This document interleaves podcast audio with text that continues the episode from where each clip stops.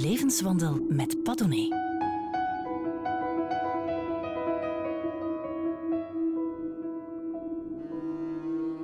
Auteur Griet Op de Beek heeft naar eigen zeggen periodes in haar leven dat ze geen fluit doet en periodes dat ze er fanatiek in vliegt. Dan moet ze nu toch met haar beide benen in een fanatieke periode zitten. Haar debuut Vele hemels boven de zevende is nog niet koud of daar gaat al de volgende vlotjes over de toonbank. Kom hier dat ik u kus. Mijn vaste eerste vraag, zit u op een berg of zit u in een dal, is dus overbodig. Griet Op de Beek zit op een berg. Of niet, Griet? Laten we antwoorden, absoluut, ja, zeer zeker. Mhm. Het kan toch bijna niet anders? Uh, ja, het zou bijna onrespectvol zijn om nu te durven beweren van oh jee, wat is het leven, toch een soort ondraaglijke sleur en ellende.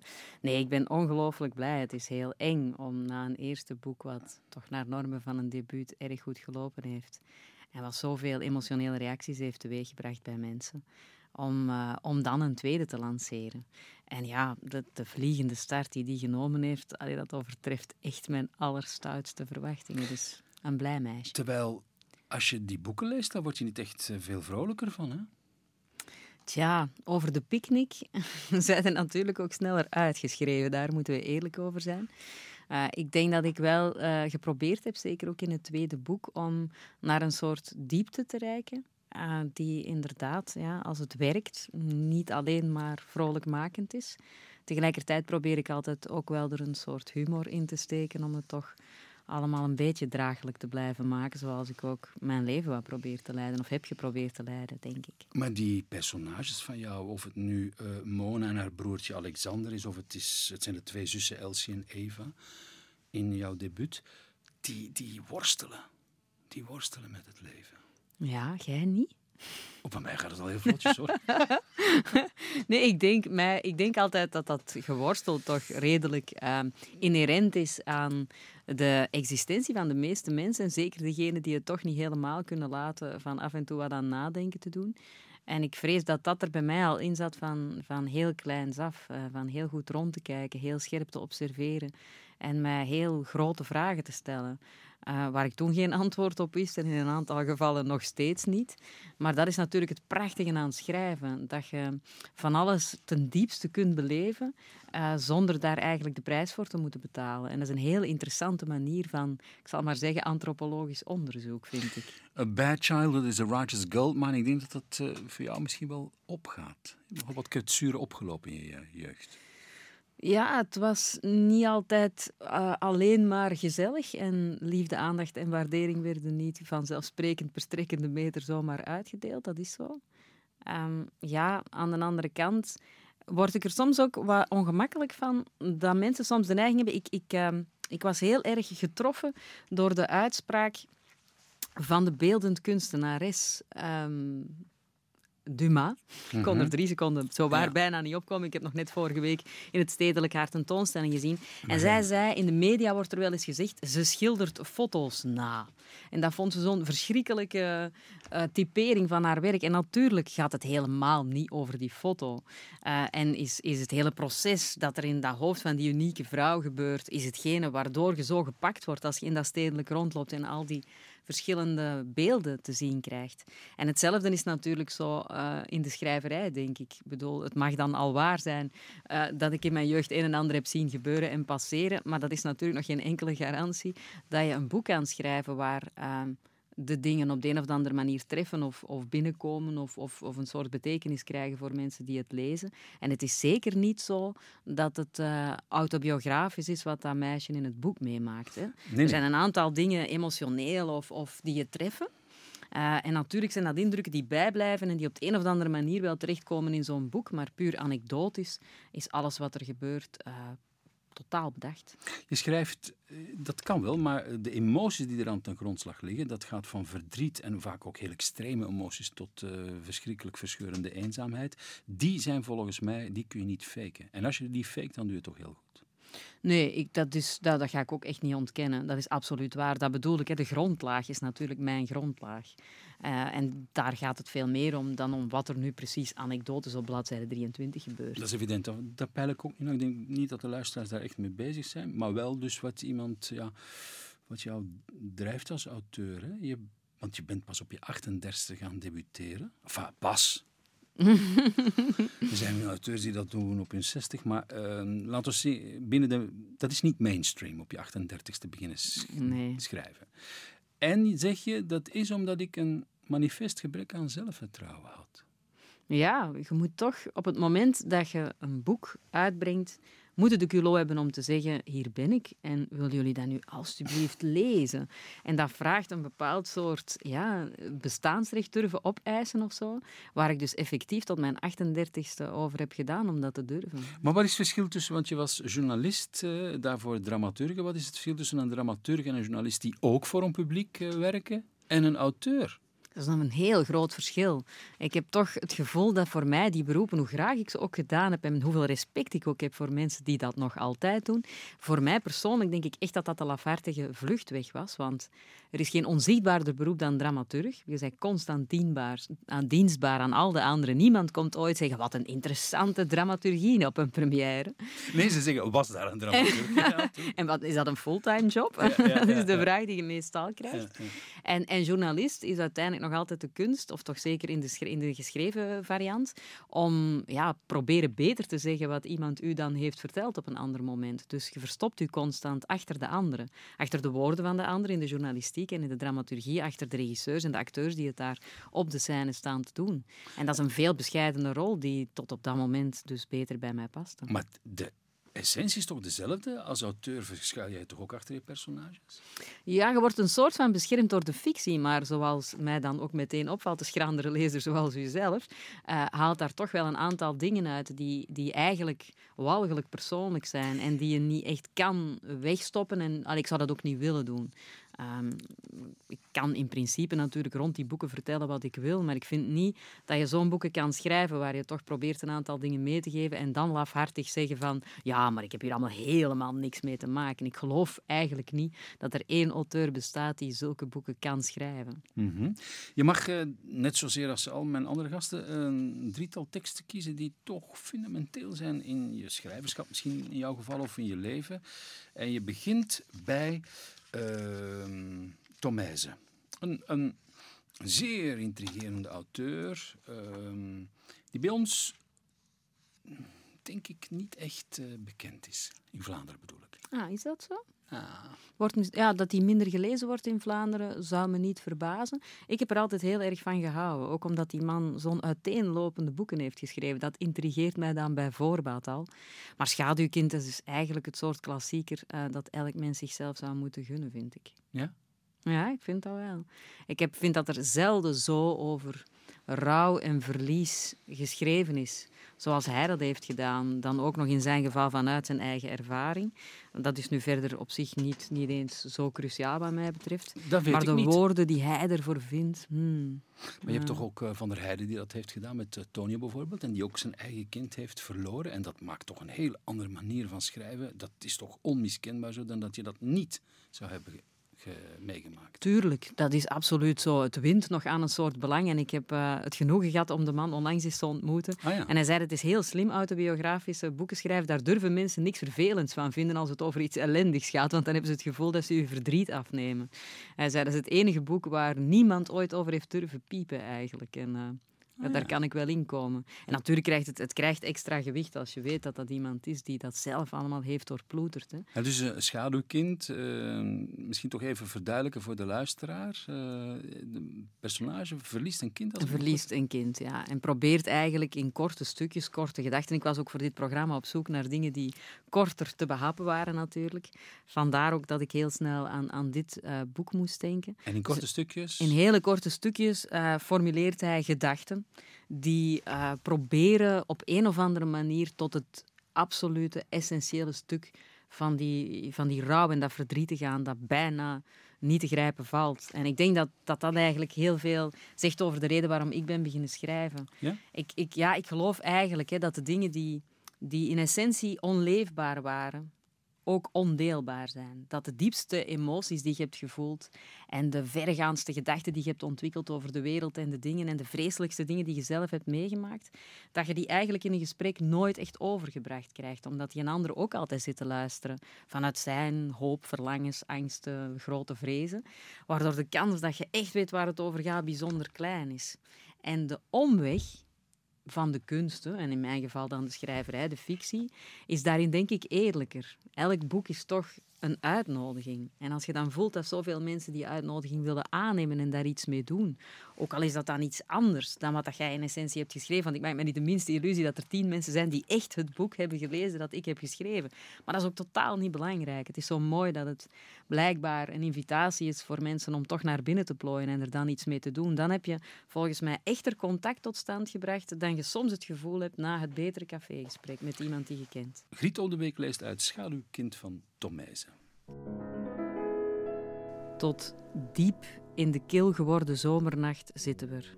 Het café middels dicht, het terras onder de platanen opgeruimd, op ons tafeltje na. Onze woorden houden ons bijeen. We weten dat buiten ons in de duisternis het heelal somber zwijgt. Wat doen we hier nog? We horen toch al lang verdwenen te zijn. Maar we zijn er dus nog.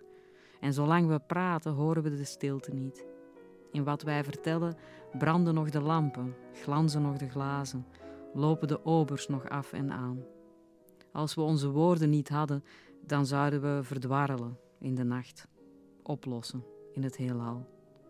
Maar zolang we ons kunnen blijven bedenken hier, op dit verdwenen terras, op deze drooggevallen zandplaat in de zee van verbruikte tijd, zolang wij de nachtvlinders nog denken te horen klapperen om de buitenlamp, binnen, achter de bar, het glaswerk bij wijze van spreken nog bedrijvig kunnen horen rammelen.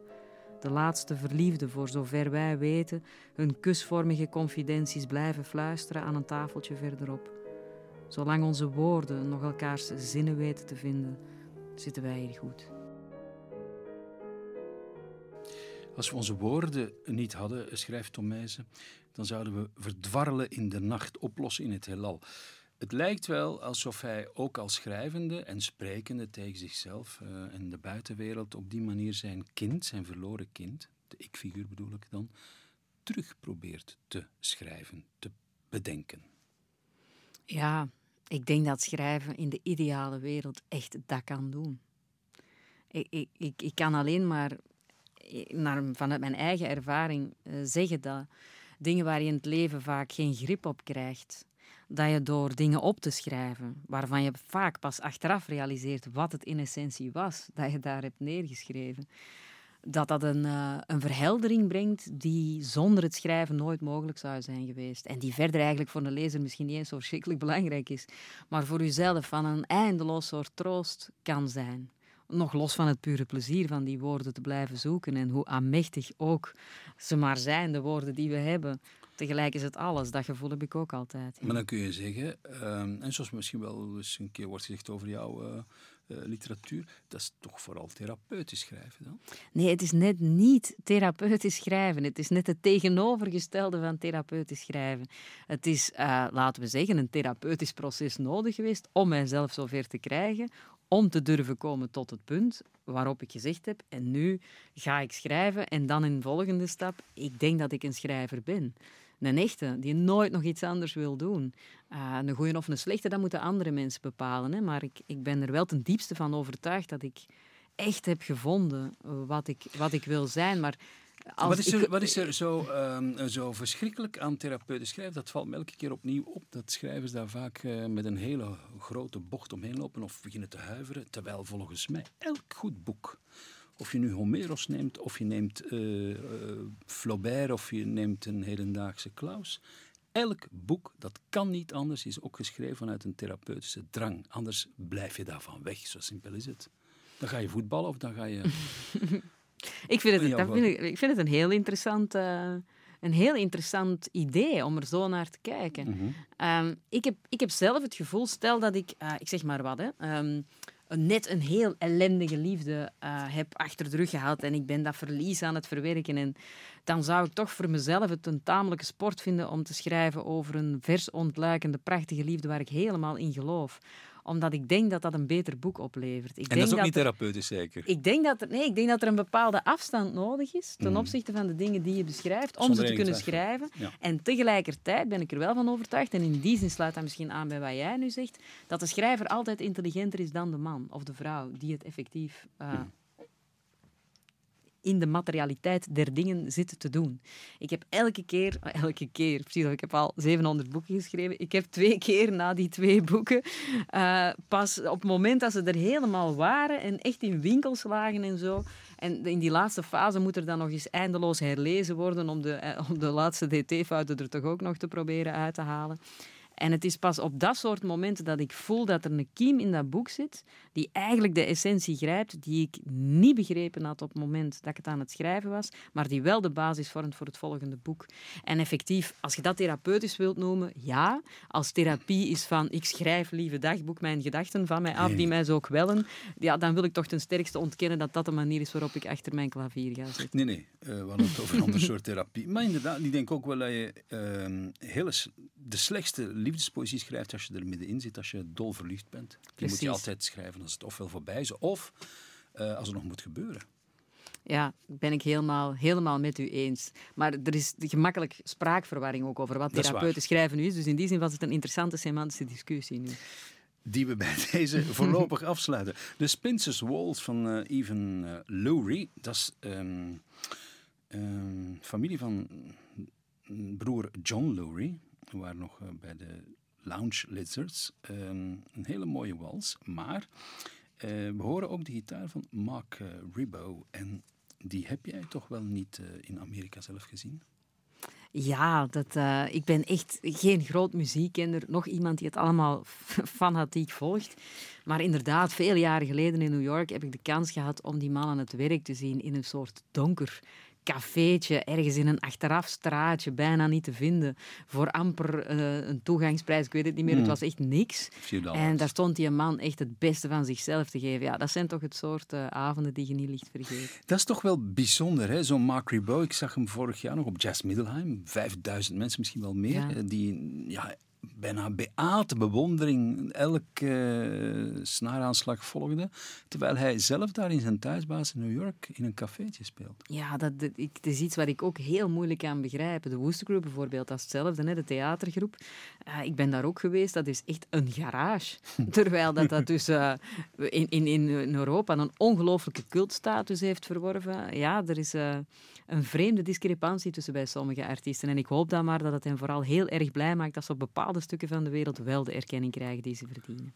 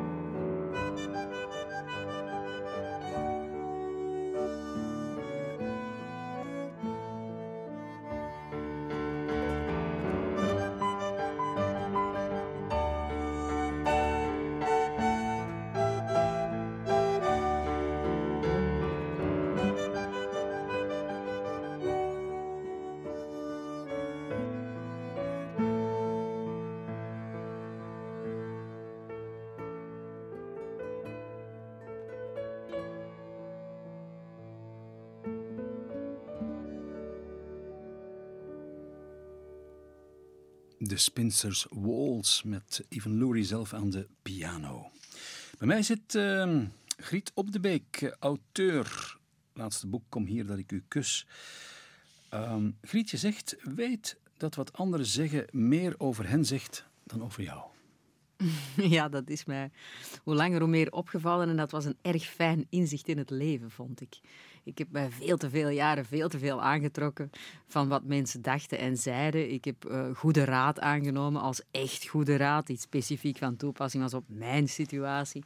Terwijl iedereen natuurlijk ook maar zijn eigen mankementen en zijn eigen onhandigheden en zijn eigen angsten uh, probeert te vertalen op momenten dat je dat gesprek voert. En dat is allemaal oké, maar hoe beter je dat weet, hoe interessanter uh, het leven wordt, toch? Als een criticus uh, schrijft dat je debuut een vlotte, verteerbare soaproman is, zich verdiepend in het leven van de voldane Vlaamse middenklasse anno vandaag, zegt dat dan meer over hem dan over jou?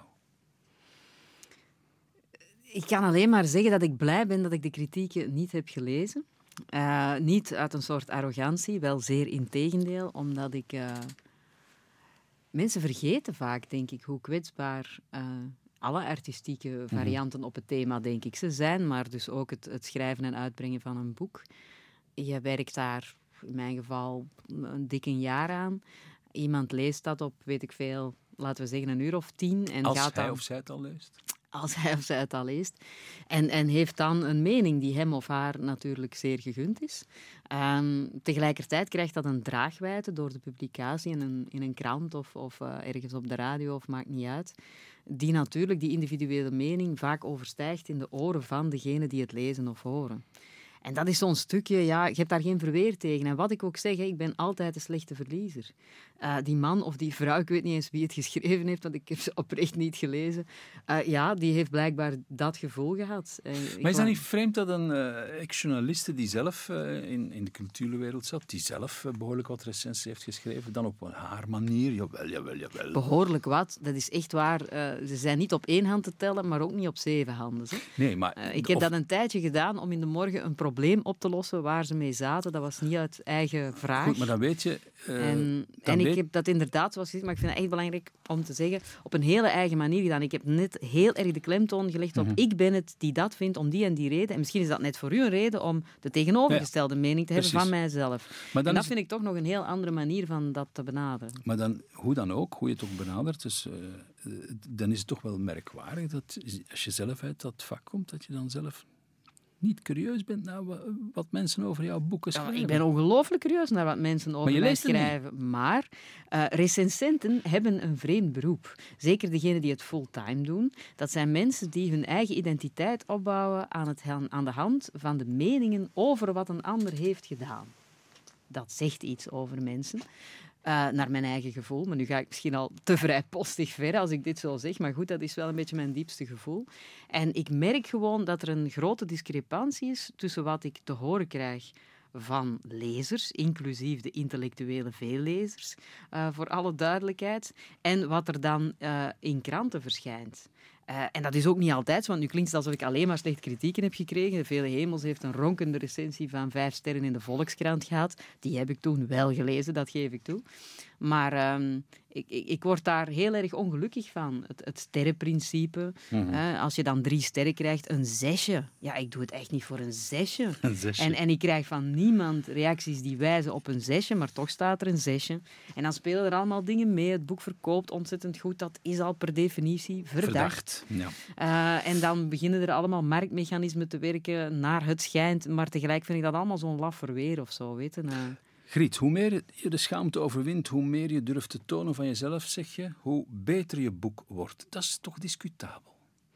Wel, dat is eigenlijk gebaseerd op wat de grote Jonathan Franzen hemzelf uh, mij heeft verteld. Ik heb de eer en het genoegen gehad om met die man uh, stevig door te praten zelfs. En ik had aan hem gevraagd, wat is nu het grote verschil tussen The Corrections, zijn wereldhit, en de twee voorgaande romans, even vuistig, even zeer goed onthaald door de kritiek eigenlijk al bij al, maar dat had helemaal niet gelopen. En dat zie je wel vaker bij, bij auteurs, dat ze een heel weg moeten afleggen vooraleer iets geweldig inslaat. Of omgekeerd, begin met een ronkend debuut en dan... En, en wat zegt die man dan? Wat is het? en, en zijn antwoord was, en dat is mij dus ongelooflijk bijgebleven, uh, schaamte. En hij vertelde dat hij echt met het schaamrood op de wangen had zitten schrijven. Uh, gewoon omwille van zichzelf in eerste instantie. In tweede instantie bij de bedenking dat mensen die hem zeer goed kenden, inclusief zijn eigen familie en zo, dat boek ook gingen lezen. En hij had heel erg het gevoel dat net dat toch doorheen duwen, dat dat voor hem het grote verschil had gemaakt. En ik herinner mij dat dat echt vooraan in de kop heeft gezeten, dat verhaal van hem, um, toen ik zelf begon te schrijven. En verder denk ik dat, uh, ik denk dat ik mij al mijn hele bewuste leven loop te schamen over wie ik dan ben in het diepst van mijn gedachten. Niet zoals meneer Klaus een god, maar eerder een soort een kleine troll die, ja, die de goede dingen uh, niet verdient en de vervelende des te meer. En die ook geen fractie voorstelt van wat de betere retoriek wel eens zou kunnen suggereren op een donker kwartier. En het is maar door die schaamte te proberen overwinnen, dat ik tot het punt ben gekomen om zoveel bestaansrecht op te eisen en te zeggen, hier ben ik en dit zijn mijn boeken. Maar is dat schaamte of is dat uh, frustratie? Nee, schaamte is het enige juiste woord. Ik heb mij dat, uh, ik heb mij dat gerealiseerd toen ik uh, Andrew Solomon, hm. vooraanstaand Amerikaans journalist, ook strijder voor de, de gay rights en zo in de Verenigde Staten. En ik hoorde een speech van hem en die, die greep mij ongelooflijk aan en ik kon eigenlijk niet meteen uitleggen waarom, maar, maar dat was echt zo. En hij zei... When we are ashamed, we can't tell our stories. And our stories are the foundation of our identity. En ik denk dat dat heel erg waar is. En ik denk dat dat in mijn geval heel veel verklaart. En het is eigenlijk door dat te horen dat ik besefte van schaamte. Dat is echt het enige en juiste woord. Maar dan lijkt het erop alsof je als schrijvende je schaamte probeert te overwinnen. Als schrijvende probeer je jezelf terug, eh, die vele ikjes die je was, bij elkaar te sprokkelen.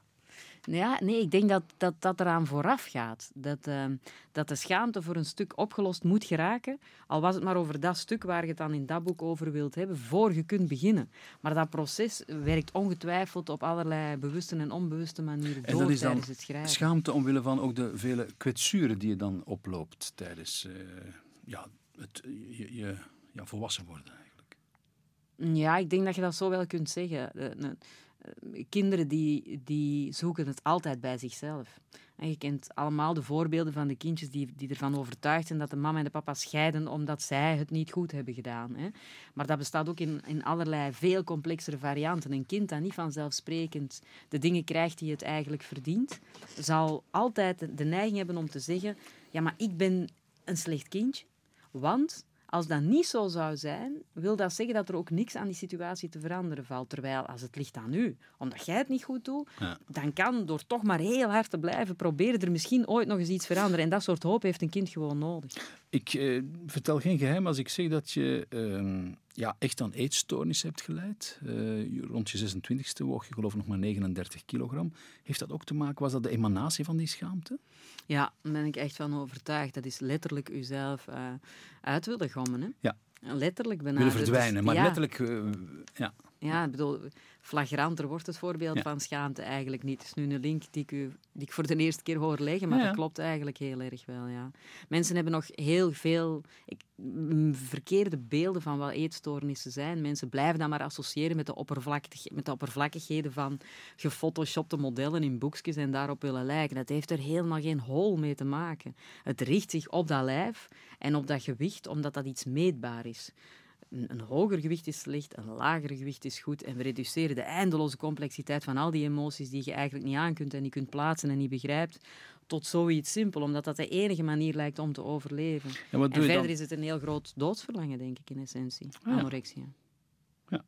En hoe, hoe zit dat in elkaar? Is het echt zo dat je op een dag beslist, ik eet niet meer, of hoe werkt dat? Niet letterlijk op een dag begint met te denken van ja, ik zou er toch beter uitzien als ik die vijf kilo minder zou wegen, wat dan objectief ook gewoon waar was. Mhm. En die vijf kilo gaan dan zo snel en dan denkt uh, ja, ik kan dat nog laten en ik kan dat ook nog laten en ik kan eigenlijk ook nog wel. En op den duur, in mijn geval, dat is bij iedereen anders, schoot er letterlijk nog één potje magere yoghurt van 100 gram over. Per?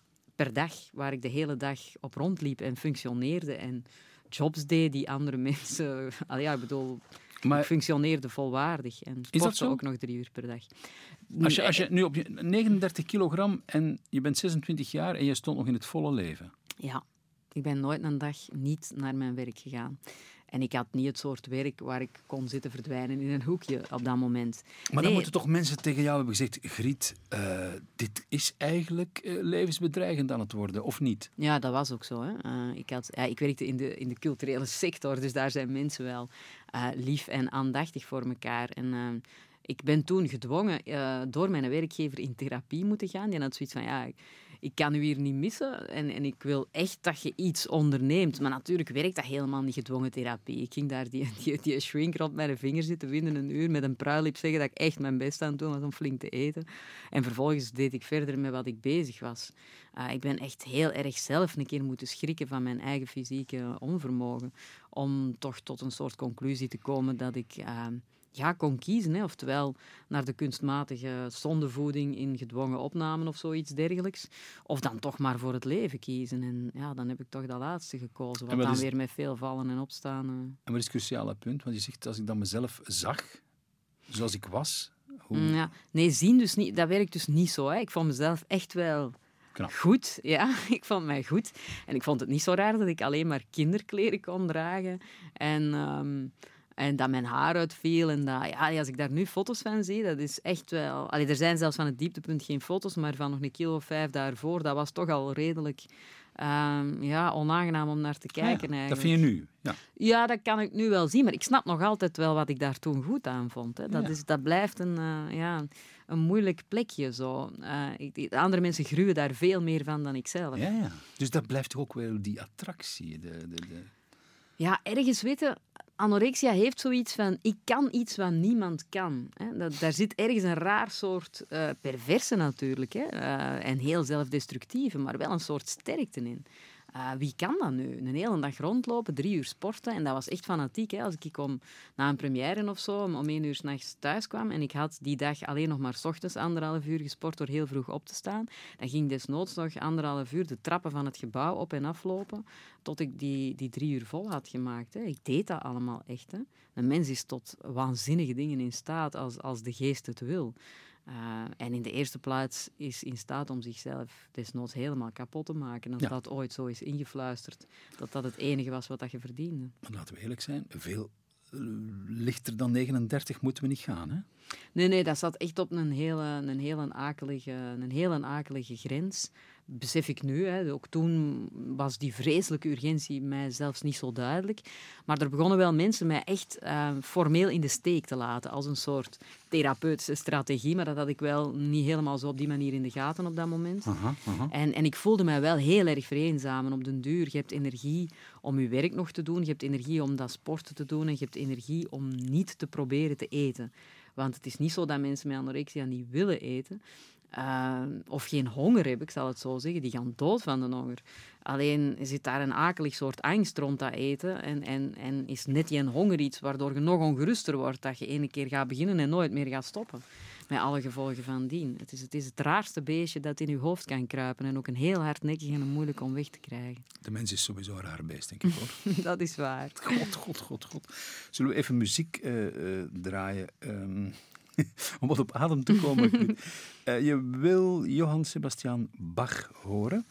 Want, um, schrijf je, je zag, enfin, er is die voorstelling Tauberbach van Alain Platel, een hele mooie voorstelling. Die heeft Prachtig. heel erg aangegrepen. Ja. Waarom? Dat, ja, dat kunnen niet altijd uitleggen bij Alain Platel. Hè. Uh, het is iemand die ik sowieso ongelooflijk hoog inschat, die niet meer lijkt te weten hoe je slechte voorstellingen moet maken, die ook altijd een onwaarschijnlijke impact hebben. En dat is ook het mooie aan dans. Dat blijft zo weg van alle rationaliteit eigenlijk. En hij heeft in Tauberbach geprobeerd om een actrice met haar woorden tegenover die dansers te plaatsen. Ik weet wat een hel dat voor Elsie de Brouw is geweest in het hele proces van aanloop daar naartoe.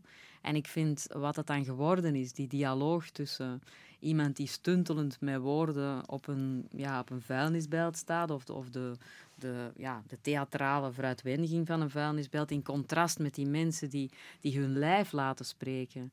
En ik merk dat die voorstelling raakt aan een bepaald soort diepte die op mij een enorme emotionele impact had. En het mooie is net dat ik dat niet eens wil proberen om dat helemaal uit te leggen. Onder woorden te brengen. Je, ja, precies. Misschien kun je het alleen maar dansen. Ja, Ja, en ik kan niet dansen, maar ik heb, het, uh, nog ik heb de voorstelling een keer of, ja, ik weet het niet, inclusief. Ik mag zo af en toe naar repetities gaan bij Alain, omdat we elkaar goed kennen.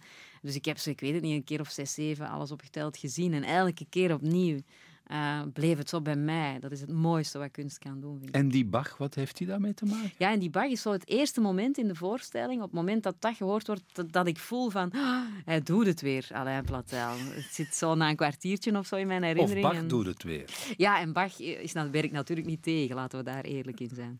Dat lijkt me nu toch een understatement. Bach werkt niet tegen. Het, het We zitten was, wel op Clara, hè? ja, het, wa- het was ook als een grapje Zeg, gezegd. als je wil overdonderd worden door... eh. We gaan naar eh, Bach luisteren in een uitvoering van de Academy of Ancient Music. ehm, en inderdaad uit eh, die eh, derde orkestsuite Air.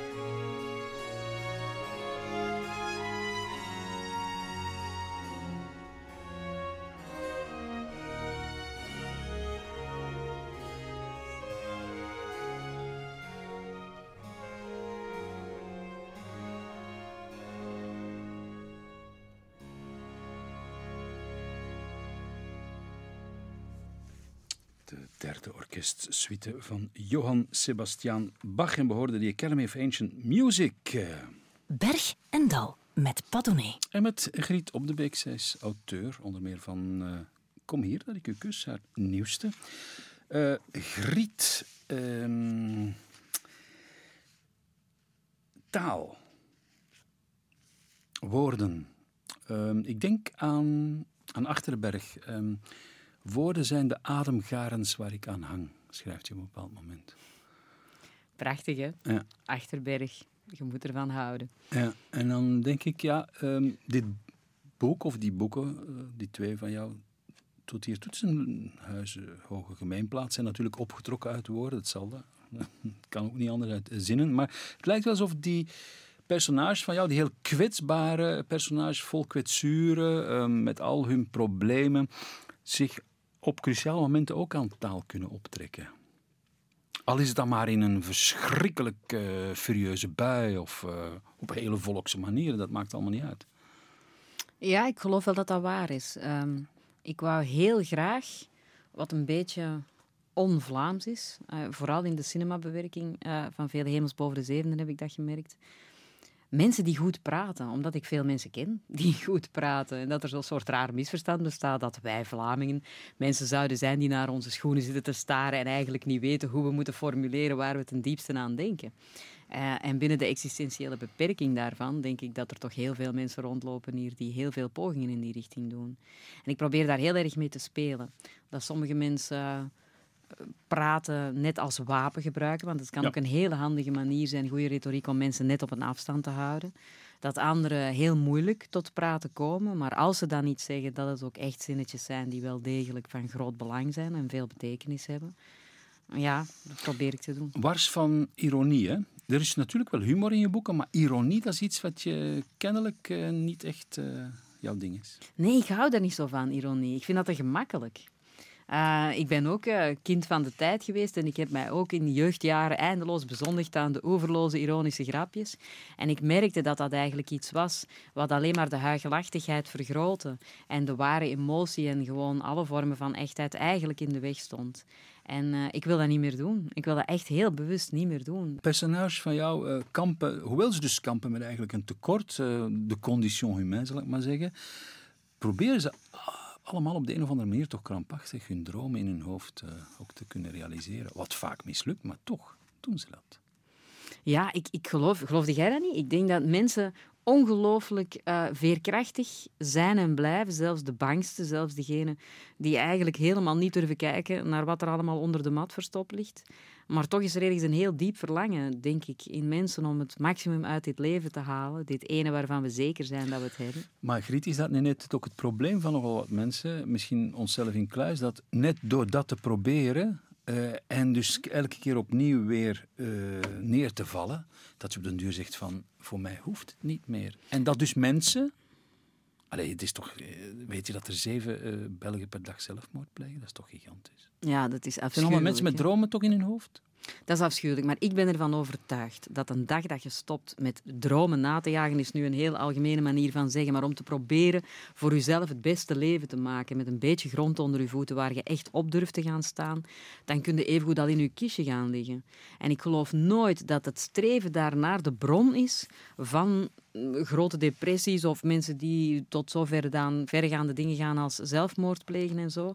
Uh, ik, ik, ik zie heel veel onvermogen, maar ik geloof ontzettend in het feit dat bijna alle trauma's, en ik wik en weeg mijn woorden aan gesprek met Dirk de Wachter, die mij toch gewezen heeft dat er bepaalde gevallen zijn, zoals zware schizofrenie en dat soort dingen. Ja, die zijn dat mensen, ja, dat dat echt natuurlijk niet te overkomen is, dus met alle begrip hè, voor, voor de uitzonderlijke gevallen. Maar ik denk dat er voor heel veel mensen die zichzelf niet eens zouden omschrijven als hebbende grote problemen, nog een enorme marge tot verbetering ligt in het algehele welbehagen en welbevinden met uzelf in de eerste plaats. En ja, ik, ik, ik, ik, dat is voor mij iets heel belangrijk om te blijven alvast voor mezelf dat proberen. En van eigenlijk, ja, dat klinkt dus heel fout wat ik nu ga zeggen, maar van mensen aan te moedigen om het ook te doen. Uh, je kunt... Um, Eigenlijk wat te doen, gewoon en tussen je oren eh, verbeeldingskracht oproepen. Nee? Ja, verbeeldingskracht kan een goede uitweg zijn, maar, maar in essentie van u een keer de, de wezenlijke vragen te durven stellen. Waarom ben ik nu al acht keer met mijn kop tegen diezelfde muur gelopen? Waarom heb ik weer die foute man gekozen? Er bestaan dus antwoorden op die vragen, heb ik moeten ontdekken, mogen ontdekken. Wat is jouw antwoord? Is dat trouwens een, een, een, reële vraag? Waarom heb ik nu voor de zoveelste Ja, absoluut. Dat is een van de vele reële vragen. Ja? Ja, natuurlijk. En wat is het antwoord? Wat was het antwoord? Ehm, dat ik eh, herhaalde wat ik altijd dacht te kennen. Dat ik ehm, eh, mannen zocht die mij heel hard lieten werken om de juiste vorm van aandacht en liefde te krijgen. En mij in essentie, als het erop aankwam, dan toch ook weer het gevoel gaven dat het eigenlijk nooit genoeg was. En dat is maar één aspectje, zo zou ik u 15 voorbeelden Maar voor de rest geven. zijn we heel eh, eenvoudig gebleven. Ja, maar ik ben dat nu afgeleerd ook. Hè. Ik weet, nu kan ik wel goed kiezen. Is, eh, maar dat bedoel ik juist. Van het moment dat je weet waar de dingen vandaan komen, waarom je doet zoals je doet, kun je het vastpakken en het veranderen. En dan wordt alles beter. En dat is op alle vlakken zo. Toon Tellegen. Je gaat een, ja, ik zal het maar een gedicht noemen, eh, van hem lezen. Het is een echt gedicht. Het is een gedicht, ja. ja Oké, oei, oei. Nee, nee, maar Toon Tellingen, dat is ook zo verdacht, omdat die mens ook voor kinderen heeft geschreven. Nee, nee, nee, nee, maar die Eh, maar ik vind, dat een onders- ik vind dat een dichter, echt waar. Eh. Hij heeft een paar heel mooie dingen gemaakt, vind ik zelf. Je moet geen pijn hebben, zei een engel, en hij sloeg een man neer. Heb je pijn? vroeg hij. De man knikte. Ik zei toch, schreeuwde de engel, en hij sloeg de man, trapte hem, beet hem. En ook geen verdriet en spijt en heimwee naar andere tijden. Het werd donker. De engel stond op en gooide de man weg. En de man lag op de grond en volgde met de grootst mogelijke ijver en nauwgezetheid de bevelen van de engel op.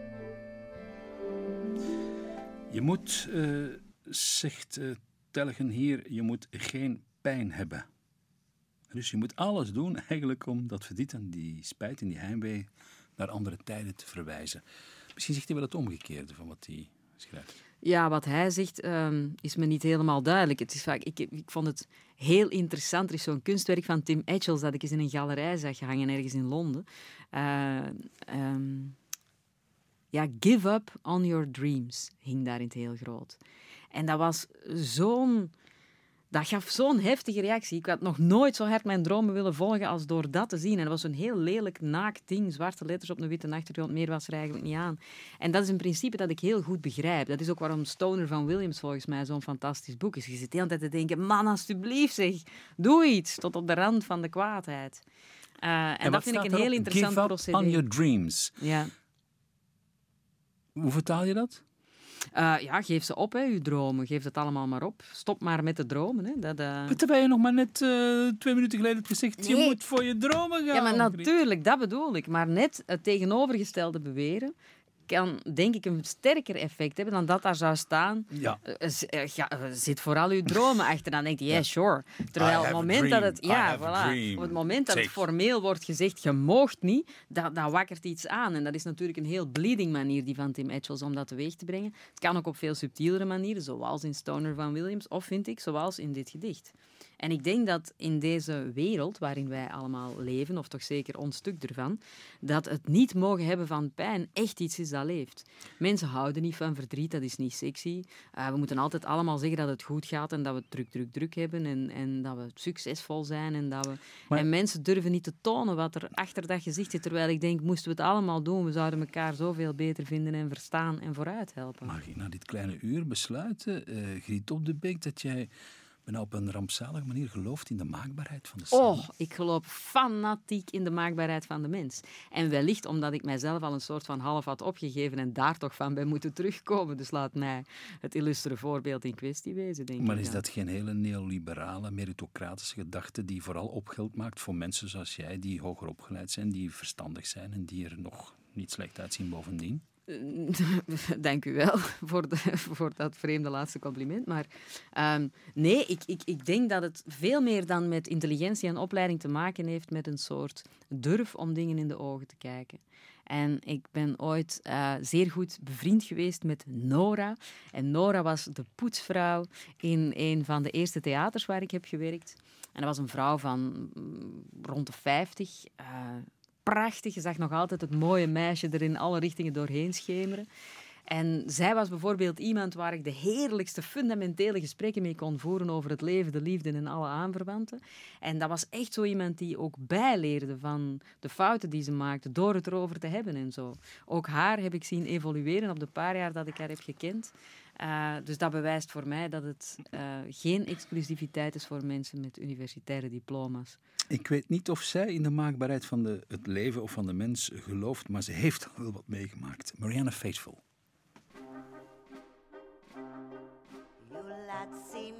Dunk the glasses, wash the floors, make the beds. I'm the best of servants.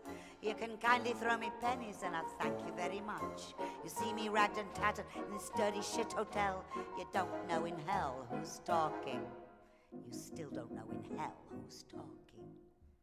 Still, one fine day there will be Ross from the harbour, and you'll ask what is all that screeching for. And you'll see me smiling as I dunk the glasses, and you'll say, What's she got to smile at for? And the ship eight sails shining, fifty-five cannons wide, sir, waits there at the quay.